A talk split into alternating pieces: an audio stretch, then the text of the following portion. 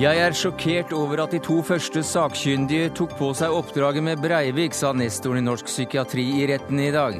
Professor Kringlen burde ikke latt seg sjokkere, sier rettspsykolog. Hvor går grensen for hva ansatte kan si i det offentlige rom? Kommuneansatt ble møtt med så kraftige sanksjoner at han skrev kronikk i Aftenposten der han sa opp jobben. Psykiatriske pasienter blir liggende i over et år etter at de er utskrivningsklare. Helt uholdbart, sier Mental Helse. Og norske hoteller sier nei til å bli merket med stjerner fra én til fem, mens resten av Europa sier ja.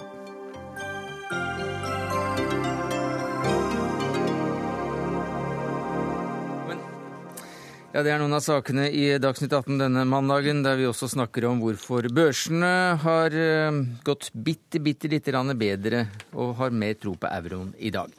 Men eh, først til det som skjedde i rettssal 250, der meningene er sterke og diagnosene varierer når Anders Behring Breiviks psykiske helse er tema, slik det er denne uka. Også i dag har fagfolk eh, forklart seg, og i dag står du i vitneboksen, psykiatriprofessor Einar Kringlen. Du har som kjent skrevet den viktige grunnboka av psykiatri som tar for seg hele diagnosesystemet, og er nestoren i norsk psykiatri. Anders Behring Breivik er ingen gåte, sa du. Hvordan kan du si det? Nei, Jeg stilte jo et spørsmål der, da. Men jeg sammenlignet han med mange andre som har begått drap, og trakk fram da jødeforfølgelsene og utryddelse av sigøyner og sinnssyke i Tyskland osv. Og jeg tenkte på også all den tortur og elendighet som har forekommet det siste hundreåret. Eh, det blir veldig mange som blir psykiatrisk syke hvis disse alle skulle være sykdom. Så jeg har også vært litt sånn reservert den tendensen til å skulle forklare ondskap med sykdom overalt. Av og til så er det greit å komme med en sykdomsforklaring, men jeg tror av og til så er det lite tjenlig. Og i dette tilfellet? I dette tilfellet så tror jeg det er mer hans politiske ideologi, hans uh, hat mot muslimer som har vokst frem. Det er litt usikkert hvor lang tid dette har vokst frem, men iallfall de siste tiåret er det tydeligvis at det har preget ham. Men Kringlen, du gikk jo uh, ganske klart og støttet den første sakkyndigrapporten om at han var utilregnelig ganske tidlig, og sto på det helt uh, fram til rettssaken begynte. Nei, jeg gikk jo Det gjorde jeg ikke, ikke så lenge. Eh, for å ta det summarisk, så ble bedt om av redaktøren i Dag og Tid å se på denne første rapporten i Det var vel i begynnelsen av januar. Og jeg leste gjennom den, og kom da med et intervju i Dag og Tid, hvor jeg sa det at ut fra det som jeg har lest fra rapportene, så virker det rimelig at han har vært psykotisk. Jeg vil ikke gå god for diagnosen schizofreni, men han kunne ha en paranoid psykose. Sa jo også det at eh, andre psykiatere vil kanskje falle ned på den diagnosen. Eh, så var det jo andre kritiske bemerkninger jeg hadde som, som ikke kom fram i det intervjuet. Men så gikk det da en periode hvor jeg fulgte med som en vanlig avisleser. Og så etter et par måneder så fikk jeg anledning til å observere Breivik i retten. Og det ga liksom et helt annet bilde enn det jeg hadde hatt før. Eh, det sto for meg at denne mannen er ikke psykotisk overhodet. Han svarte klart og greit. Og det som er jo typisk ved mange schizofrene, det er jo at hvis man blir utsatt for press eller sånn, så faller man gjerne gjennom, kommer i relevante svar, er kanskje vag i uttalelsene, osv., osv. Så jeg fikk et helt annet bilde. Og så eh, endret jeg da eh, standpunkt, kan man si, i den forstand at det kom et nytt intervju da i Dag og Tid, hvor jeg begrunnet dette. Og begrunnelsen var basert på to forhold. Eh, det første forholdet var at de sakkyndige hadde beskrevet en ung mann som de siste år hadde endret sin livsstil. Han hadde flyttet hjem til mor, han hadde sluttet å arbeide, han var opptatt med dataspill, han isolerte seg fra venner osv. Og, og så vidt jeg husker var det også bemerkninger fra mor og halvsøster at han snakket politikk, og det var, det var litt tåkeprat, de skjønte ikke hva han mente osv. Og, så og det er jo sånn som man ser ved en psykotisk utvikling, en slik uh, endring. Det andre punktet, det var at uh, at disse ideene, eller tankene om templerordenen og hva som skulle skje når de fikk makt, og når borgerkrigen var slutt osv., det virket også nokså sprøtt. Men så, etter jeg hadde vært i retten, og etter jeg fikk flere opplysninger, og det har jo også bekreftet den senere rapporten som jeg nå har lest, så blekner jo dette. Det virker som den utviklingen som jeg skildret først, eh, den var kanskje, hvis man skal tro Breivik, da, var mer bevisst. At han hadde skjermet seg for å kunne gjøre det forferdelige, pluss eh, ting han skulle gjøre med av tekniske ting.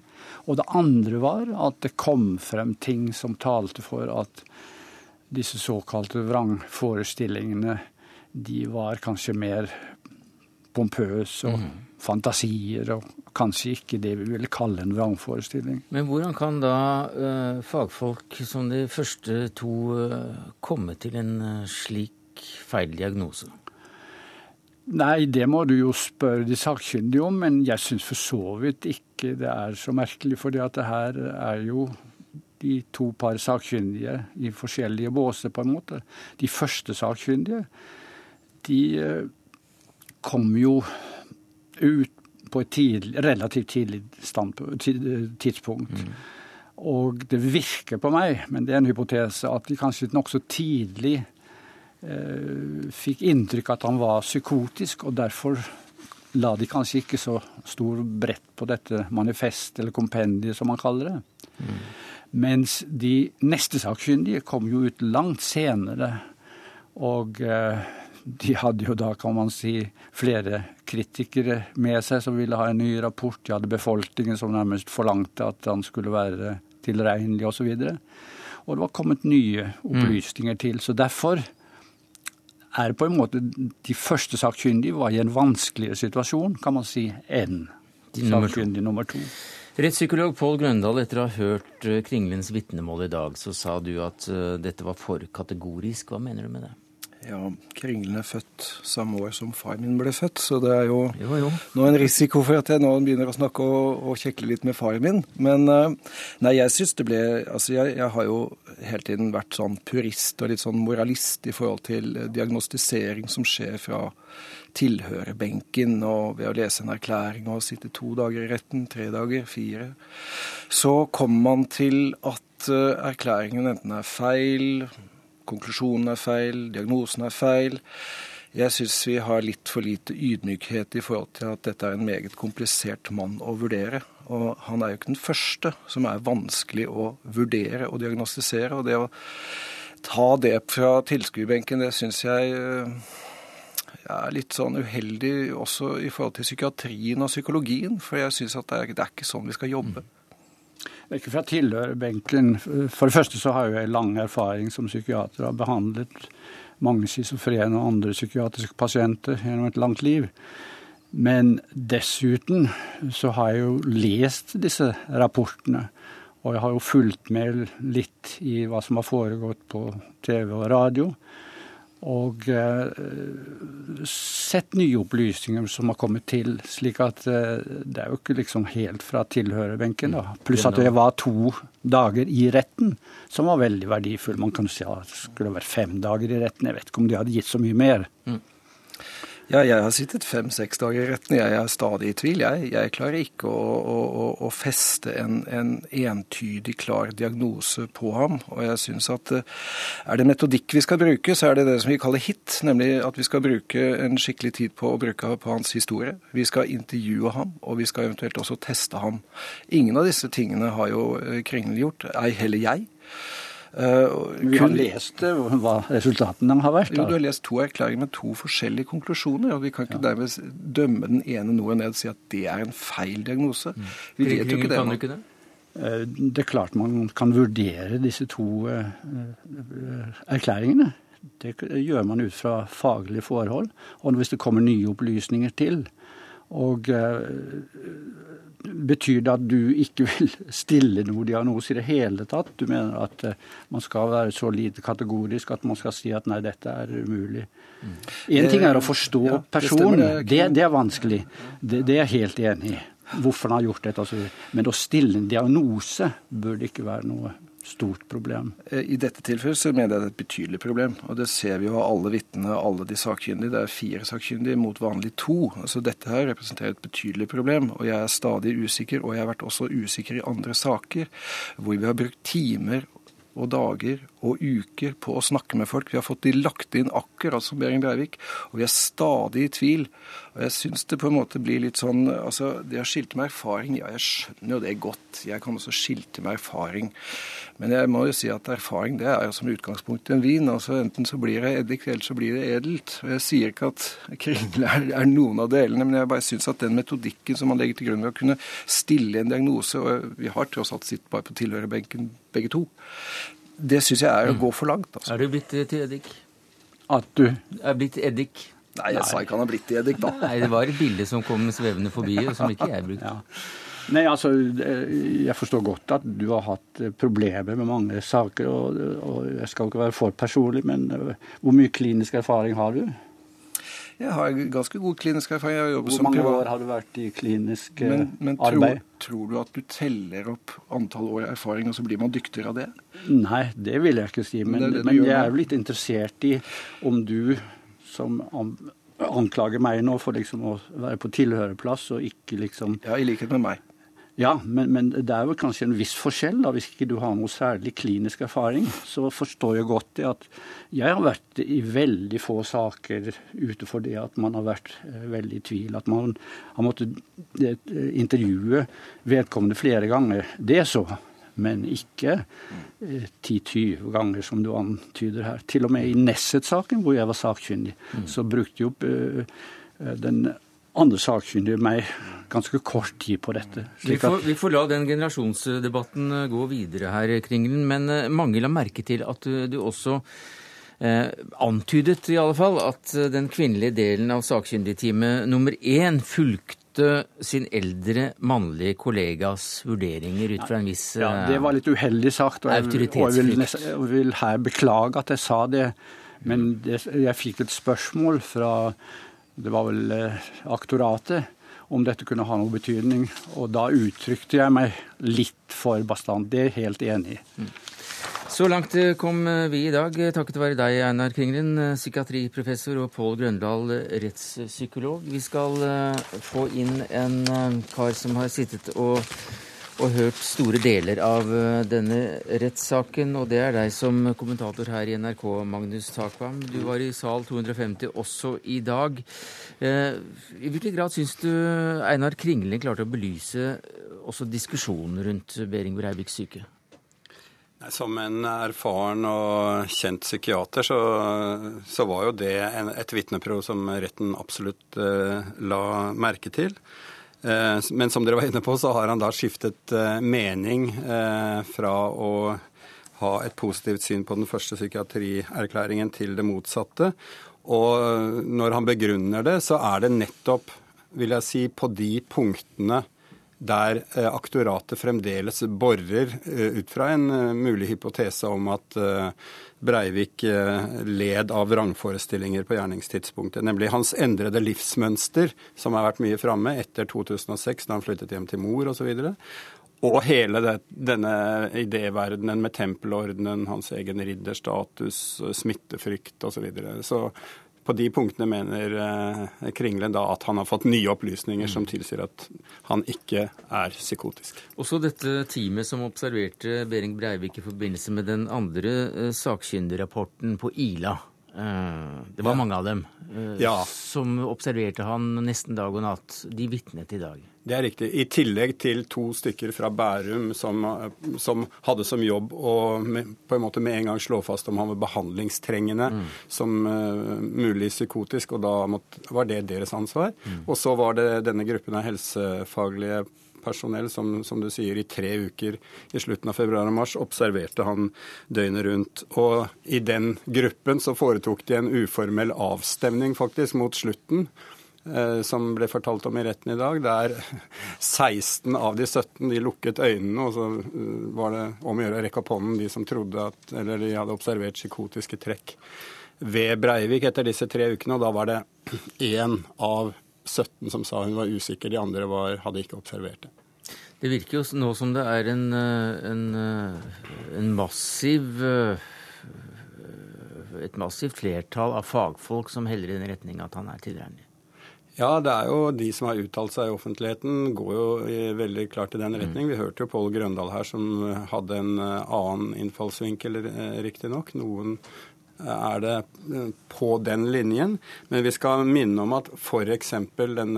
dette observatørkorpset jo ikke hadde som mandat å la oss si, granske det som da jeg var inne på, denne idéverdenen først og fremst, som jo ligger til grunn for for gruppe 1 eh, sin analyse av ham, eh, men mer om, kunne, om, man kunne observere psykotiske trekk i det dagliglivet han ble observert under. Aktoratet, hvilken retning tar eh, spørsmålene de stiller nå? Nei, de tar retning av eh, å fokusere på eh, dette med Knights Templar og skal vi si Breiviks egen rolle, hans forståelse av hvem han var på en måte under og før denne aksjonen. Eh, de polemiserer mot dem som hevder at gruppe 1 eh, dømmer han pga. hans ideologi, men de mener at han eh, har en selvforståelse, en rolleforståelse, som kan tyde på vrangforestilling. Altså at han på en måte har fått et mandat fra noen som kanskje ikke eksisterer, mm. om å dømme over levende og døde og slike ting. Det går uh, i den uh, på det feltet. Kan du da lese ut ifra det om de kommer til å prosedere på om han er tilregnelig eller ikke?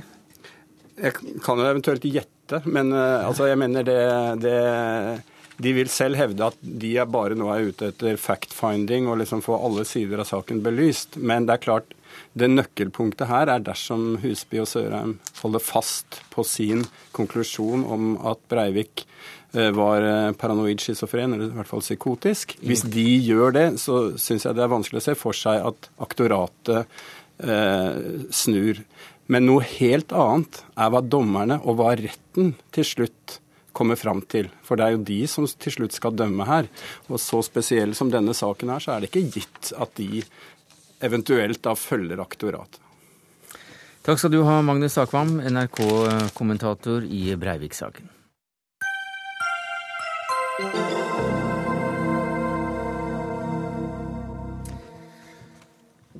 Det skal fortsatt handle om uh, psykiatri. For uh, rus- og psykiatripasienter blir liggende lenge på sykehus uh, lenge etter at de også da er ferdigbehandlet. Tall som NRK presenterte i morges viser at noen blir værende i over ett år etter at de burde ha vært utskrevet.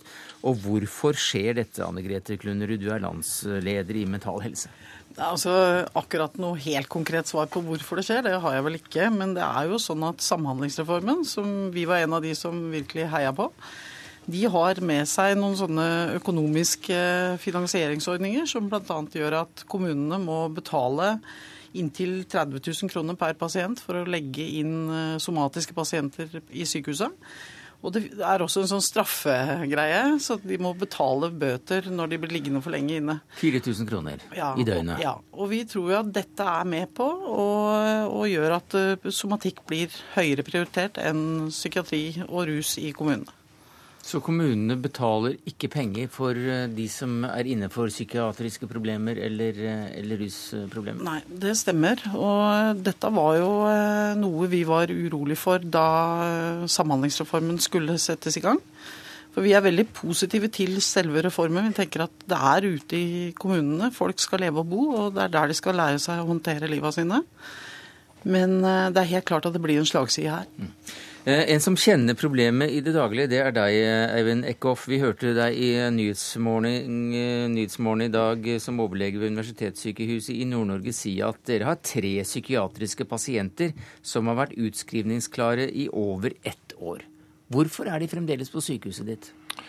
Eh, dette er jo pasienter med store og sammensatte problemer, så det er ikke så lett å si at det er én grunn.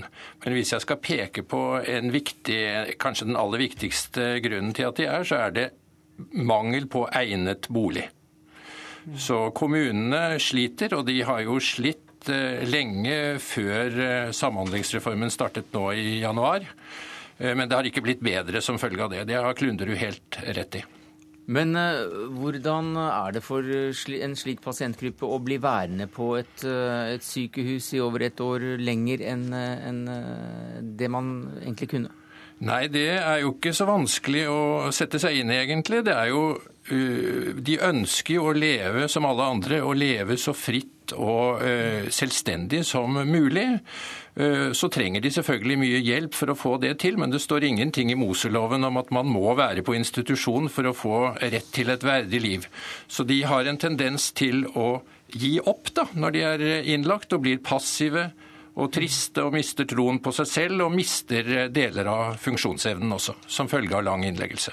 Robin Koss, statssekretær i Helse- og omsorgsdepartementet, hva sier du til dette? Nei, Jeg er helt enig i alt som eh, blir eh, sagt. og Det er jo nettopp derfor at vi trenger mer og ikke mindre av Samhandlingsreformen.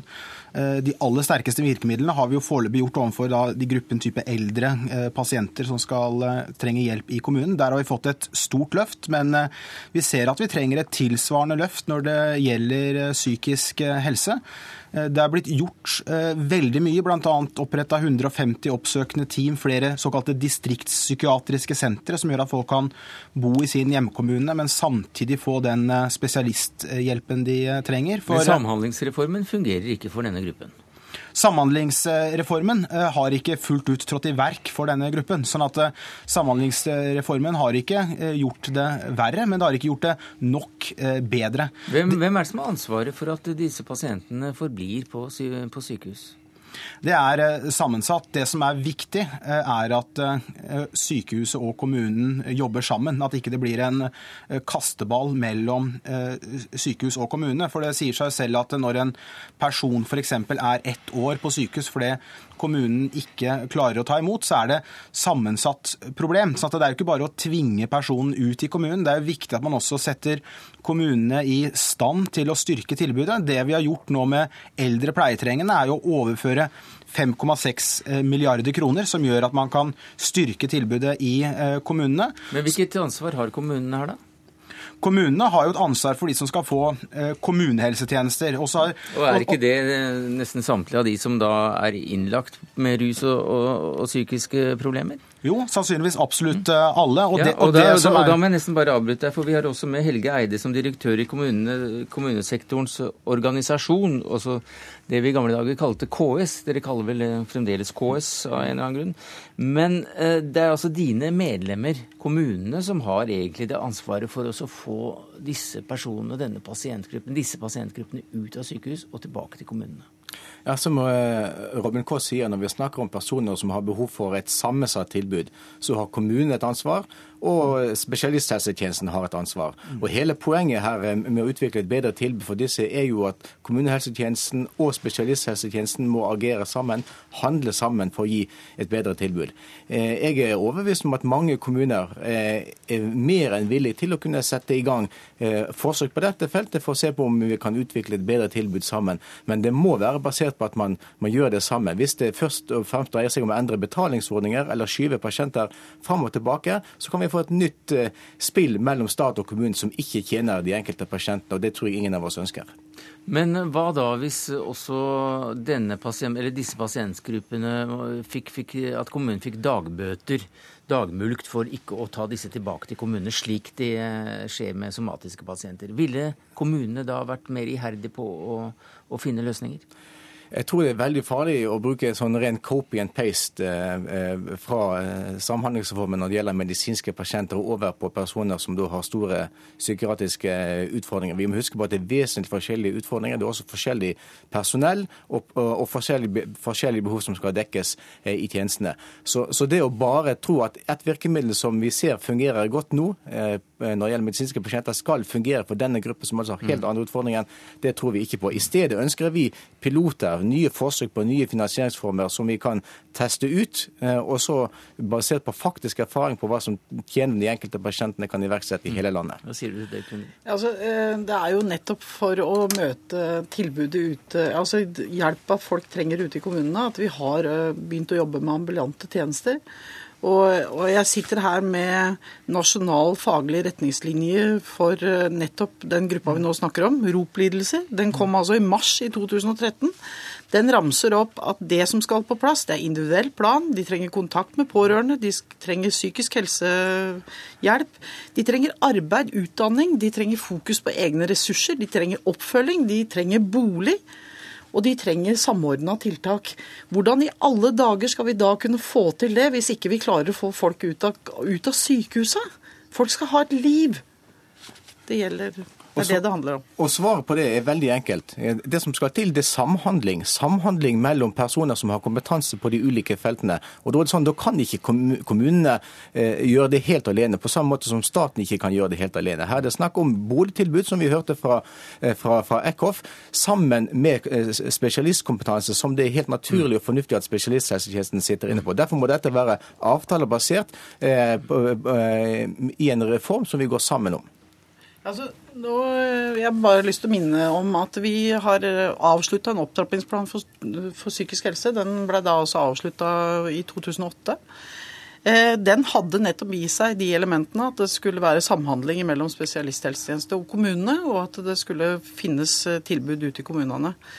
Så hvis vi fortsetter på den galeien vi er ute på nå, så er vi i ferd med å bygge ned igjen det vi klarte å trappe opp. Ja, Hvordan da? Ja, så Det var jo nettopp det at folk skulle ha et liv ute i kommunene dette handla om. De skulle ha bolig, de skulle ha tilgang på eh, nettverka rundt seg. Det, det står så fint i, i, grunnlagsdokumentene at det å ha, være godt integrert av den, det samfunnet du er en del av, det er et grunnleggende velferdsgode. Det gjelder alle mennesker mm. i det norske samfunnet, det gjelder også denne gruppa her. Tror du det ville hjulpet med en pisk eh, i form av 4000 kroner i dagbøter? Ja, jeg tror faktisk det. Jeg tror det.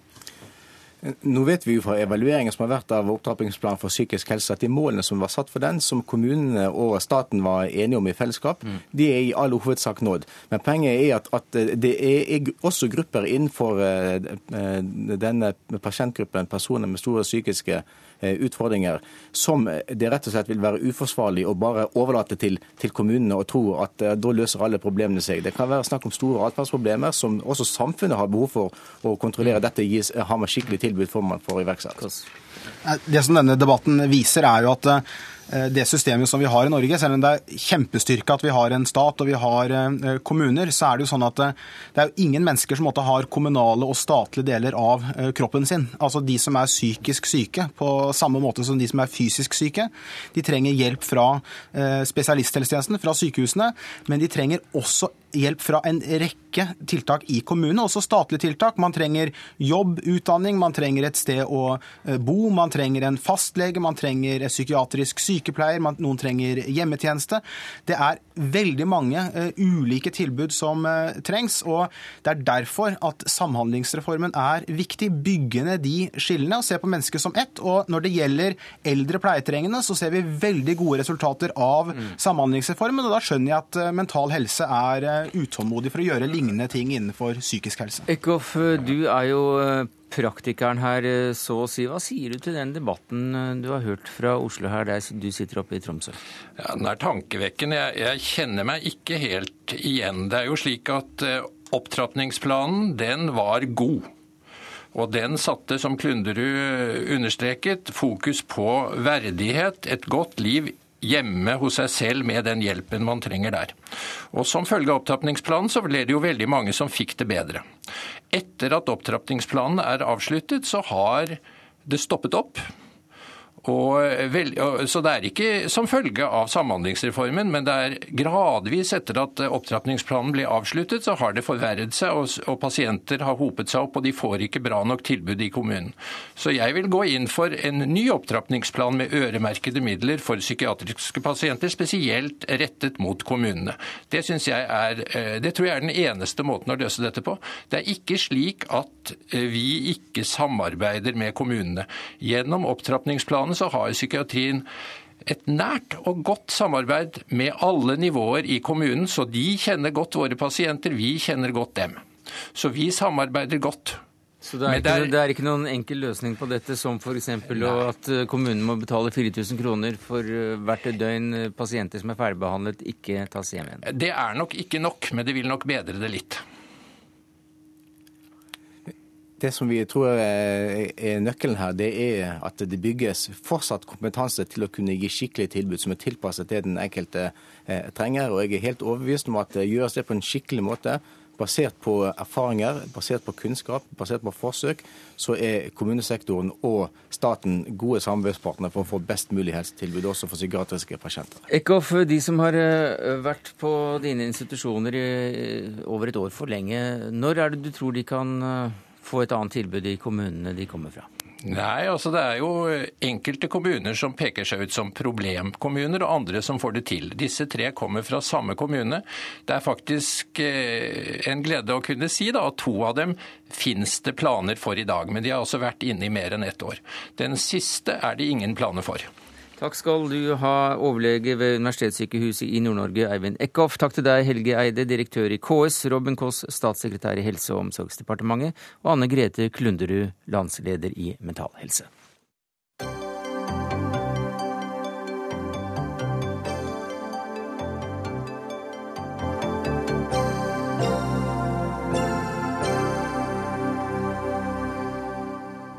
Ja, etter at eh, landene i eurosonen ble enige om en redningspakke på inntil 100 milliarder euro til spanske banker, ja, så steg aksjekursene kraftig i dag. Hvorfor det, Ida Wollenbakke, seniorøkonom i Handelsbanken? Ja, Det er riktig at uh, markedene steg umiddelbart uh, i dag. Uh, nå viste det seg at lettelsen ble kortvarig, så Oslo Børs endte faktisk i minus i, i dag. Aha. Men den umiddelbare lettelsen den skyldtes nok at det nå endelig var kommet på plass en plan for å tilføre bankene mer kapital. Problemene i den banske, spanske banksektoren har vært kjent lenge, og det var viktig at dette kom på plass før det greske parlamentsvalget neste søndag. Ja, Hvorfor det? Eh, det har vært kapitalflukt fra spanske banker. Eh, de ble rammet svært hardt av eh, kollapsen i eiendomsmarkedet. og Samtidig er det utsikter til at boligprisene vil falle ytterligere, og arbeidsledigheten er rekordhøy. Så de spanske bankene er svært tapsutsatte. Og et så stor usikkerhet som det er foran det greske parlamentsvalget, så kunne et la oss si, ugunstig valgutfall ført til at denne kapitalflukten tiltok i styrke. Også i Spania. Ja. Men hva slags pakke er det egentlig? Det er snakk om da opptil 100 milliarder euro, og dette skal brukes til å tilføre bankene økt kapital. Så det er altså ikke til å dekke budsjettunderskudd uh, i samme grad som det var i Hellas, Portugal og, og Irland. Uh, men det er den spanske staten som i siste instans står ansvarlig for denne gjelden, og det betyr uh, at den spanske, spanske statsgjelden vil stige betydelig. Men hvem er det som skal eh, betale dette? da? Det kommer fra eurosonens stabilitetsfond. Det er litt uklart om det kommer fra det midlertidige fondet eller det nye permanente fondet. Men det er da eh, de andre eurosonelandene som, som yter disse lånene. Men eh, hva sier eh, tyske velgere og skattebetalere til dette? De har jo hatt eh, sterke meninger om eh, den greske løsningen, eller de rundene som har vært med Hellas. Det har de, og forbundskansler Angela Merkel hun møter økt motstand på hjemme, hjemmebane eh, når det kommer stadig nye henstillinger om redningspakker. På den annen side så vet tyskerne også at de vil bli rammet dersom du får en alvorlig kollaps i banksektoren i Europa. Men 100 milliarder euro, holder det da? Det er noen som mener at det ikke er nok. Det internasjonale pengefondet de eh, kom med en rapport forrige fredag, eh, og de anslo at eh, bankene trengte 37 milliarder euro, så det er en god sikkerhetsmargin her. og det var Beløpet på 100 milliarder euro var større enn det mange hadde regnet med. Men det er noen som mener at den spanske økonomien er så svak, boligmarkedet vil falle ytterligere, som vil gjøre at tapene i spanske banker blir enda større. Og at uh, alt det har å si for manglende initiativer til å få fart på økonomien. Det er riktig, og det er jo det grunnleggende problemet i spansk økonomi. At uh, aktiviteten faller og arbeidsledigheten stiger fra et allerede skyhøyt nivå. Men at, uh, at bankene nå da har mer kapital til utlån, mm -hmm. tror du at det vil få fart på spansk økonomi? Realøkonomien? Det vil i hvert fall eh, gjøre at fallet kan bli mindre, kan du si. Altså, vi har kanskje avverget en, en mer akutt krise nå og mer alvorlig innskuddsflukt. Eh, men det er ingen tvil om at den spanske økonomien vil være svak i lang tid fremover. For viser ikke historien så langt eh, når det gjelder disse hjelpepakkene for så vidt at de ikke hjelper så mye? Ja, Vi har sett tidligere at vi har fått kortvarig lettelse i markedene, men alt det har gitt er et lite pusterom ja. Eh, før eh, renten igjen har steget. Og det er helt klart at denne redningspakken eh, er ikke en varig løsning på, på krisen. Hva er en varig løsning, da? Nei, Det innebærer nok at uh, Tyskland og de andre sterke landene i eurosonen må gi etter og akseptere en eller annen form for felles uh, gjeldsutstedelse. Uh, Gjeldssanering? enten gjeldssanering eller at de må garantere for gjelden til de svake, svake landene. Eh, og som motytelse må de da få økt kontroll med, med de kriserammede landenes eh, budsjetter. Så Ytterligere skritt på vei mot en full økonomisk og politisk union er nok nødvendig for å redde eurosamarbeidet. Men hva er den store forskjellen mellom eh, Hellas og, og Spania når det gjelder de problemene de står overfor? Ja, Den spanske statsgjelden er eh, i utgangspunktet ikke høy. Den er eh, Som andel av verdiskapning så er den faktisk lavere enn i Tyskland. Så de har ikke rota bort pengene og, og, Nei, så det er ikke uansvarlig finanspolitikk i utgangspunktet som er årsaken til krisen her. Men derimot så bygde privat sektor seg opp enorm gjeld. Eh, og bankene ble da rammet hardt av kollapsen i eiendomssektoren. Men nå skal det sies at eh, pga. den svake økonomien nå, så stiger den spanske statsgjelden svært raskt. Og Hvilke negative konsekvenser kan det få? Det har vi allerede sett, at uh, lånekostnadene til Spania har steget kraftig. Uh, det fører til at uh, renteutgiftene til staten øker, noe som igjen fører til at de må stramme inn kraftigere i sine budsjetter, som er en av forklaringene på at arbeidsledigheten stiger så raskt. Og da blir det mindre vekst? Da blir det mindre vekst og enda vanskeligere å komme ut av krisen. Ikke helt enkelt. Det er svært vanskelig. Ida Wolden Bakke, seniorøkonom i Handelsbanken. Det er i hvert fall et lite lysglimt ved disse 100 milliarder euroene, og at Spania har eh, sagt ja til det, selv om den eh, norske børsen også havnet eh, litt i minus? Det er det. Og så er det spennende foran parlamentsvalget i Hellas neste søndag. Takk skal du ha.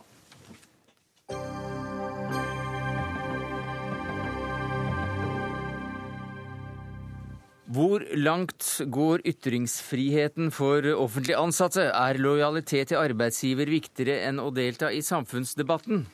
Kristoffer Gaarder Dannevig, du fikk eh, problemer på jobben etter et avisinnlegg om ditt eget eh, fagområde.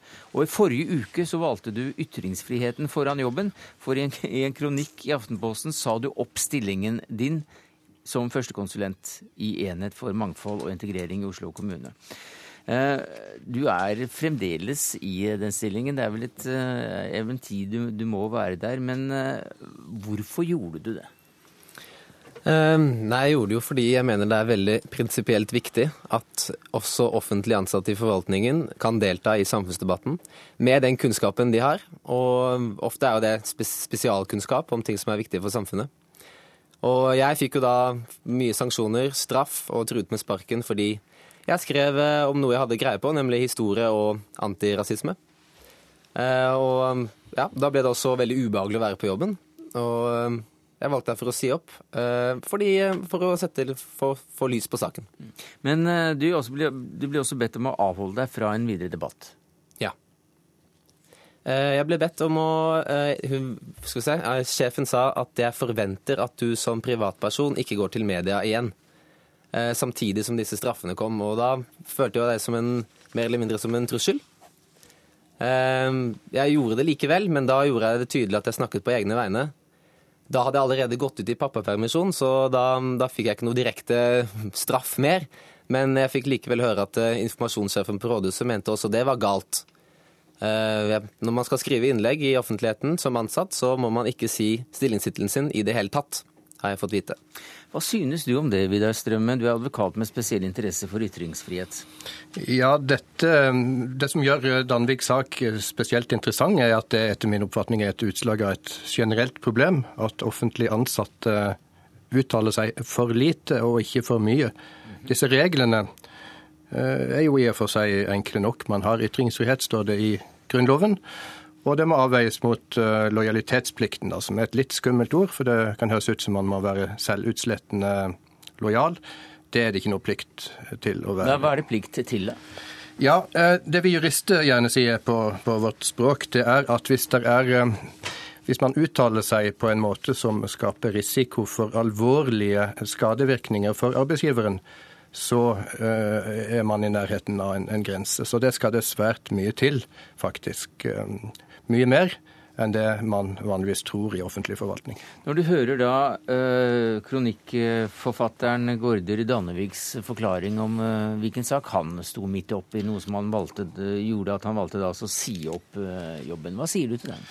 Ja, jeg, jeg, har lest det han har skrevet, hvis jeg har funnet det riktige på nett, og, og, reagerer ikke på det som han har skrevet konkret. Og, og disse sanksjonslignende tingene som, som, skjer etterpå, er jo et uh, typisk eksempel på, på sånne mekanismer som gjør at den reelle ytringsfriheten altså svekkes. Men hva da med å signere også med stillingsbetegnelse, altså med førstekonsulent i Oslo kommune? Ja, det var, det var jo riktig. Det er jo det han er. Så, eh, så jo, lenge Men kan ikke det tas til inntekt, eller det, det da fører til at folk tror han snakker på vegne av Oslo kommune? Eh, hvis eh, teksten ellers er sånn at det faktisk kan eh, misforstås slik, så er det jo saklig å, å, å, oppgi det. Men det kan ikke være noen rettslig plikt å ha en hale til slutt om at dette er det bare jeg som mener. Det er det ingen rettslig plikt til. Oslo kommune var selvsagt invitert hit, men du kom, Nils Amund Røne, som, som, medlem av etikkutvalget i KS, og du er også ordfører i Stange kommune. Hva tenker du om, om denne saken her? Nei, Jeg vil være forsiktig med å uttale meg om denne saken i Oslo spesielt, men det er klart at det er slik at privatpersoner som uttaler ansatte i kommunene som uttaler seg som privatpersoner, der streker ytringsfriheten seg svært, svært, svært langt. Mm -hmm. Eh, og særlig diskusjoner eh, omkring spørsmål i kommunen før beslutning fattes. Da er det en styrke at ansatte deltar i debatten. Eh, samtidig så er det selvsagt en grense i forhold til den posisjonen har i kommunen, og den lojaliteten må ha mot beslutningen også når den er fattet. Men fram til beslutningen er fattet, så mener jeg at ytringsfriheten strekker seg svært svært langt, og er jo òg grunnlovsfestet. Men er det da ulike tolkninger i de ulike kommunene? Ja, det vil jeg nok tro at det er. Jeg tror egentlig at det har blitt eh, bedre i Kommune-Norge enn det har vært etter at du hadde diskusjon rundt eh, paragraf 100 i Grunnloven i 2004-2005, da det ble også gjennomgått mange var diskusjoner rundt eh, ytringsfrihet for offentlig ansatte. Så i dag så tror jeg at den i prinsippet står sterkt, men det trengs å arbeides med det i den enkelte kommune, reflektere rundt det, slik at man utarbeider en kultur der de ansatte har god anledning til å delta i den offentlige debatt. Men det har man jo f.eks. i Oslo kommune, har vi lest her, Strømme, som, som jo går i en ganske liberal retning. Så, så hvor er det da skoen klemmer? Ja, den klemmer sikkert flere steder. Oslo kommune har f.eks. Eh, flere regelverk som er litt motstridende, så vidt som jeg kan se. Man har i 2007 laget et fint regelverk om ansattes ytringsfrihet, som, eh, som jeg er helt enig i. Så har man i 2008 laget noe man kaller for en informasjonspolitikk. Og Det er der man da innfører disse pliktene om denne halen om at eh, dette er det bare jeg som mener og at uh, man skal uttale seg innenfor sitt eget fagområde, mens uh, ytringsfriheten jo gjelder generelt. Og uh, også som, som, som byrådsdirektør Larsen skriver et innlegg, at det eneste de ansatte i kommunen ikke kan gjøre, er å skrive kontroversielle personlige meningsytringer som kan stille kommunen i miskreditt. Men det kan man altså faktisk gjøre med ytringsfriheten i, i hånd. For dette er da på tvers av dine erfaring? Absolutt, men jeg er veldig glad for å få den støtten her. Og det var jo det jeg hadde en følelse av, og det jeg også kunne selv lese ut fra de samme reglene som vi hadde. Og det, det gjorde at jeg sto på mitt da, og prøvde å gå videre og finne ut om kanskje det bare var mine nærmeste sjefer som hadde et annet syn på det. Men eh, jeg møtte på en måte ikke noen annen holdning. Jeg prøvde også å sjekke med en annen direktør i Oslo kommune, men jeg møtte ikke møtte ikke noen annen holdning der heller. Så jeg er, helt, jeg er helt enig at jeg tror det er et generelt problem, og det tror jeg i enda større grad nå enn før jeg skrev kronikken. For nå i etter, etterkant så har jeg fått masse tilbakemeldinger og telefoner og SMS-er fra folk som er eller har vært i lignende situasjoner. Men, men, Strømme, altså, det må jo gå en grense et eller annet sted. Og, og vi som privatpersoner og vanlige lønnsmottakere, vi, vi ser jo omtrent uh, Forstår jo hva vi kan si og ikke si i det offentlige rom. Jo da, men man har grenser for høflighet og man har grenser for juss, og det er ikke nødvendigvis den samme. For, for at, at, man skal Eh, forbryter seg mot lov og rett, så, så kreves det svært mye. Mm. Men, men, eh, la oss ta et helt søkt eh, eksempel. Gitt at en programleder i Dagsnytt 18 da syntes at NRK brukte altfor, altfor mye tid og penger på Melodi Grand Prix f.eks., eller at det hadde holdt å sende 88 reportere til vinter-OL i Vancouver mm. istedenfor 90, og sa det i det offentlige rom, det ville jo, det ville jo ikke tatt seg ut? Jeg syns det ville tatt seg ut. Eh, det er en meningsytring, og det er også en inndeling mellom eh, å gi uttrykk for hva man mener. Og argumentert mot eh, sjefene sine ja, ja. i det offentlige rom? En, en grunn til at man kanskje reagerer på et sånt eksperiment, er at det skjer så sjeldent. Og da er vi tilbake til at vi ikke er vant til offentlig ansattes ytringer. Så, så det er for lite. Det går allikevel selvsagt en grense i forhold til den frihet en ansatt har etter at en beslutning i en kommune f.eks. er fattet. Mm. Da Hvis politikerne har fattet en beslutning, så skal den iverksettes. Administrasjonens fremste oppgave er å iverksette den beslutningen. Og i den grad man har en deltakelse innenfor diskusjon og ytring som svekker muligheten til å iverksette en slik beslutning, så har man en demokratisk problemstilling som er krevende. Det betyr ikke at ikke den enkelte ansatte skal ha ytringsfrihet, men det er ytringsfrihet under ansvar når en beslutning er fattet. Det er min oppfatning. Ja, Det er jo åpenbart et poeng, men det er ikke nødvendigvis den eneste retningslinjen man har. Nei, det er. Eh, jo, jeg tenker at eh, offentlig ansatte spesielt har også sin lojalitet først og fremst bundet til samfunnet. Så jeg tenker at i den grad det er viktig for samfunnet å få ut informasjon, så er det, det er enda viktigere enn hensynet til den enkelte etat eller til kommunen. Fordi det er eh, lønna kommer fra felleskassa, og offentlig ansatte er ansatt av og for folket. Men er det noen forskjell på offentlig ansatte og private ansatte egentlig her, da? Rettslig sett er det den forskjellen at menneskerettighetskonvensjonen gjelder for eh, stat og kommune, og ikke for private. Eh, og det kan være andre forskjeller også, f.eks. For at private selv varer og i det hele tatt har en annen form for virksomhet som, som krever en annen form for beskyttelse. Men, men, er dette da nedfelt i et regelverk i det i privatlovverket også? Ikke et spesielt eh, regelverk, nei. Men eh, det betyr da at eh, her er det hele tiden skjønn? altså for Når kan man f.eks. få sparken for å ha ytret seg mot egen bedrift i det offentlige rom? Ja, Det er en, det vi jurister kaller en glideskala. Da skal det enda mer til av det samme. Så spørsmålet er hele tiden om, om, om dette har skadevirkninger for, endom, for, for, for, arbeidsgiver. Hva tror du kommer til å skje nå med, med åpenheten i en kommune som du kjenner godt? Jeg håper jo at det fører til at ledere blir mer bevisste på ansattes ytringsfrihet, og at flere tør å ta til orde. Men selvfølgelig, jeg frykter jo at folk blir enda mer redde når de ser hva som har skjedd med meg. Trenger vi et nytt regelverk eller uh, nye ordførere? Nye ordførere, det får vi eventuelt diskutere om tre år. Men uh, jeg er egentlig litt kritisk til å utvikle regelverk for alle spørsmål. Jeg tror media det er å arbeide med kulturen, og ytringsfrihet er en fellesverdi som dreier seg om hva slags kultur eksisterer i kommunene, mer enn et regelverk. Hva tror du? Det er jeg enig i. Vi har f.eks. reglene om varsling som vi fikk for noen år siden, som jeg tror kanskje har eh, ødelagt litt for ytringsfriheten ved at eh, folk nå tror at man kan ytre seg om veldig alvorlige ting hvis man varsler, eller så må man tie stille. Så her er det en stor grad av egenjustis, og ikke nødvendigvis at man får påpakninger påpakning overfra? Ja, det er nok det viktigste som begrenser den reelle ytringsfriheten. Det er kulturen omkring ytringer. Kunne man tenkt seg en, eh, en kommunal øh, aksjon for å få de ansatte faktisk til å ytre seg i det offentlige rom? Jeg tror en gang at uh, i de forskjellige kommuner så er det å arbeide med denne problemstillingen egentlig en del av det vi i Etikkutvalget kaller etisk refleksjon.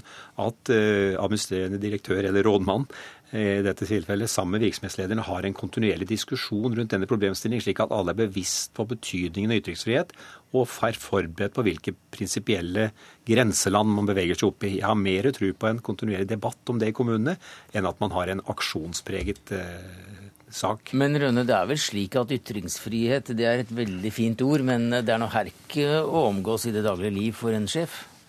Nei, Jeg tror egentlig at eh, de aller fleste sjefer i Kommune-Norge, iallfall de få jeg kjenner, de er opptatt av kvalitet i beslutningene. Kjenner du noen som har, fått, eh, som har blitt oppsagt pga. Uh, illojalitet? Når det gjelder å gå ut i det offentlige rom? Nei, det kjenner jeg ikke til. og jeg tror at det, Da kommer, kommer, det for langt hvis konflikten må ende opp i en slags type arbeidsrettssituasjon. Det må være rom og mulighet for å løse den problemstillingen uten å gå i en rettslig posisjon. Hva sier sjefene dine til at eh, du har sagt opp i kronikkform, da, Danvik? Du, Det aner jeg ikke, for jeg har ikke hørt et ord fra dem. Nå er jeg fortsatt i, i pappapermisjon, så jeg har ikke hørt et eneste ord. Men jeg har jo fått med meg svaret til Heidi Larsen, så hun er sikkert ikke fornøyd med det, i hvert fall. Som er bydelsdirektør på Grünerløkka, og som eh, da Dessverre ikke kunne komme. Dessverre ikke kunne komme. Men eh, takk skal du ha, Kristoffer Gaarder Danevig, kronikkforfatter og inntil videre kommuneansatt. Vidar Strømme, advokat i advokatfirmaet Skjøtt, og Nils Amund Røne, daglig, eller i hvert fall da leder av etikkutvalget i KS, og ordfører i Stange. Hør Dagsnytt 18 når du vil, på nettradio eller som podkast. nrk.no – dagsnytt 18.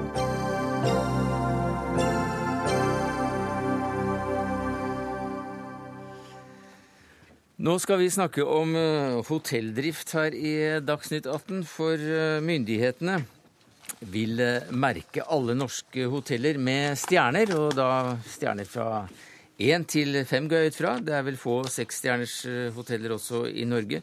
Men foreløpig sier nesten alle landets vel 960 hoteller nei takk til slik merking. Bare 23 har vist interesse. Torgeir Silseth, du er konserndirektør i Nordic Choice Hotels. Og dere er blant de da som har sagt nei. Hvorfor det? Ja, Vi liker jo helst å si ja i Nordic Choice, men i denne saken så har vi valgt å si nei. Og det er vel fordi at vi føler at dette er på en måte å prøve å få liv i en dinosaur, og det syns vi er litt uh, seint. Ja, dette er gammeldags, og det er uh, et system som vi ikke tror kommer til å overleve i, i fremtida. Derfor så ønsker ikke vi å, å være en del av det. Vi er ikke det i Sverige, vi er ikke det i Danmark, og vi er, vil ikke være det i Norge. Ja, Bortsett fra at det er helt uh, rimelig at man ikke skal prøve å holde liv i en dinosaur, så må du nesten forklare uh, hvorfor de ikke vil det. Det er to, to hovedting som har endra seg de siste årene, og som jeg føler at denne ordningen ikke har fått med seg. Det er jo kunden. Altså det er kunden som eier tilbakemeldinga. Det er kunden som eier sin opplevelse av produktene. Altså Dette blir som om vi skulle si at en stasjonsvogn er bedre enn en, en vanlig personbil, og en, en SUV er bedre enn en stasjonsvogn. Altså Det er det opp til kunden å avgjøre, også i hotellbransjen. Men Du har hørt om tester av biler i avisen, vi- som da viser at det lønner seg å kjøpe den ene framfor den andre? Og vi blir testa hele tida. Det er terningkast, og det er stjerner, og det er alt. Men det gjøres ikke av et regjeringsoppnevnt kontrollorgan. Hvorfor er det så galt, da? Det er galt fordi at kunden eier sin egen tilbakemelding, og den skal de forvalte på, eh, på nettet. Altså Det som er mest galt med dette, er at man ikke har tatt i seg at kundene finner informasjon om, booker og gir tilbakemelding på hoteller på internett. Det er fremtiden, og, og det er ikke å sette opp noen stjerner. litt sånn, Får jo assosiasjoner til han John Cleese og Faulty Towers. med disse, Det var en morsom episode der med, med, når han hadde besøk av inspektørene. Ja, Det var ikke deg det, Anita Blomberg Nygaard. Som prosjektleder i Norsk akkreditering så holder du deg her hjemme. Men eh, nå hører du også det er som å vekke livet i gamle dinosaurer, dette her. Ja, jeg mener jo at dette her er fremtidsrettet. Vi ser flere og flere nasjoner, inkludert Norge, eh, som eh, tilnærmer seg en felles europeisk standard. Og det er fordi at eh, gjestene etterspør det. De ønsker å forholde seg til dette bildet, som er et enkelt symbol på hva de skal kunne forvente av hotellservice. Ja, Slik har det vært i mange år. Mange år i mange europeiske land, og så har da Norge og Finland vært de, de siste to landene i Europa som ikke har hatt en stjernemerkesordning. Og nå har Norge da denne på plass. Kundene etterspør det. Ja, de etterspør det, og de finner det på, på internett. Altså, Ja, de etterspør en slik autorisert uh, stjernestempel? Ja, Det tror jeg ikke de har noe dekning for. altså. La oss ta et eksempel. Vi har et Comfort Express-hotell i Oslo som kanskje hadde blitt to eller tre stjerner etter dette. Det har ikke buksepress eller minibar. TripAdvisor, hvor det ligger masse tusen, titusener av gjestetilbakemelding fra, fra kunder som har bodd i Oslo, de sier at dette er nummer fire av hotellene i Oslo. Vi har helt sikkert hoteller som ville ha blitt rata fem stjerner, som folk oppfatter som er veldig bra, som i et kundeperspektiv ikke er så bra. Og jeg stoler da mer på kundene og kundenes tilbakemelding og vil være være åpen og transparent og la de eie den, enn et statlig kontrollorgan. Mm. Ja, for her er det snakk om at det er 512 kriterier dere får uh, på et skjema. Så skal dere krysse av, er det slik? Og er det noen av disse kriteriene du syns er fjollete, da? Ja, og det blir for langt å, å, å gå inn på. Men det er klart, å beskrive er vanskelig. Og når man i dette systemet på nettsida si om tre stjerner sier følgende Hotelltilbudet omfatter vanligvis et greit utvalg med noen tilbud innen enkelte områder og tilhørende service. Romservice og serveringstilbud kan variere. Jeg ble ikke særlig klok av å lese det. Jeg tror ikke dere ble det, og jeg tror ikke kundene kommer til å bli det. Det er vanskelig å sette dette inn i absolutte standarder. Først vil jeg jo si at det er jo næringen selv, altså reiselivsbransjen med, med hotellkjedene i spissen, som sammen med NHO Reiseliv har vært med oss å utvikle kriteriene. Eh, så det forundrer meg at uh, Silseth her mener at uh, et statlig kontrollorgan har, har funnet på sådan. Internett, Vi er helt innforstått med at internett er her for å, å bli, og det er i og for seg stjernemerkingsordningen også. Det er korrekt at det brukes hyppig og ofte av, eh, av, hotellgjester. Og vi skal også være bevisste på at de bruker det i alle retninger. Både for å sikre seg kvalitativ eh, informasjon, og for også å spre eh, informasjon om subjektive preferanser. Ole Henrik Vallaker, jeg må nesten ta inn deg her. For familien din har drevet et hotell noen år. 300 år faktisk ved, ved Lusterfjorden. Nå er det du som eh, driver det.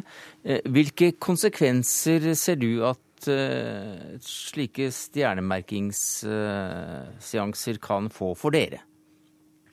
Ja, uh, Valaker hotell er et litt spennende produkt. Jeg prøver å si at det er omtrent som pi, det er 3,14 og med masse andre desimaler. Vi er ikke noe A4-produkt. Og um, på den måten så er det litt vanskelig for oss å eh, sette antall stjerner. Jeg tror at vi skulle kunne greie å finne for fire stjerner ut ifra den standard vi leverer, og ikke minst har. Men pga. at vi da ikke har eh, TV, radio, minibar og buksepresse, som var nevnt her, og, og heis og sånne ting, og sånne ting, så ryker vi da fort ned, og vi får uh, ja, ei stjerne antagelig.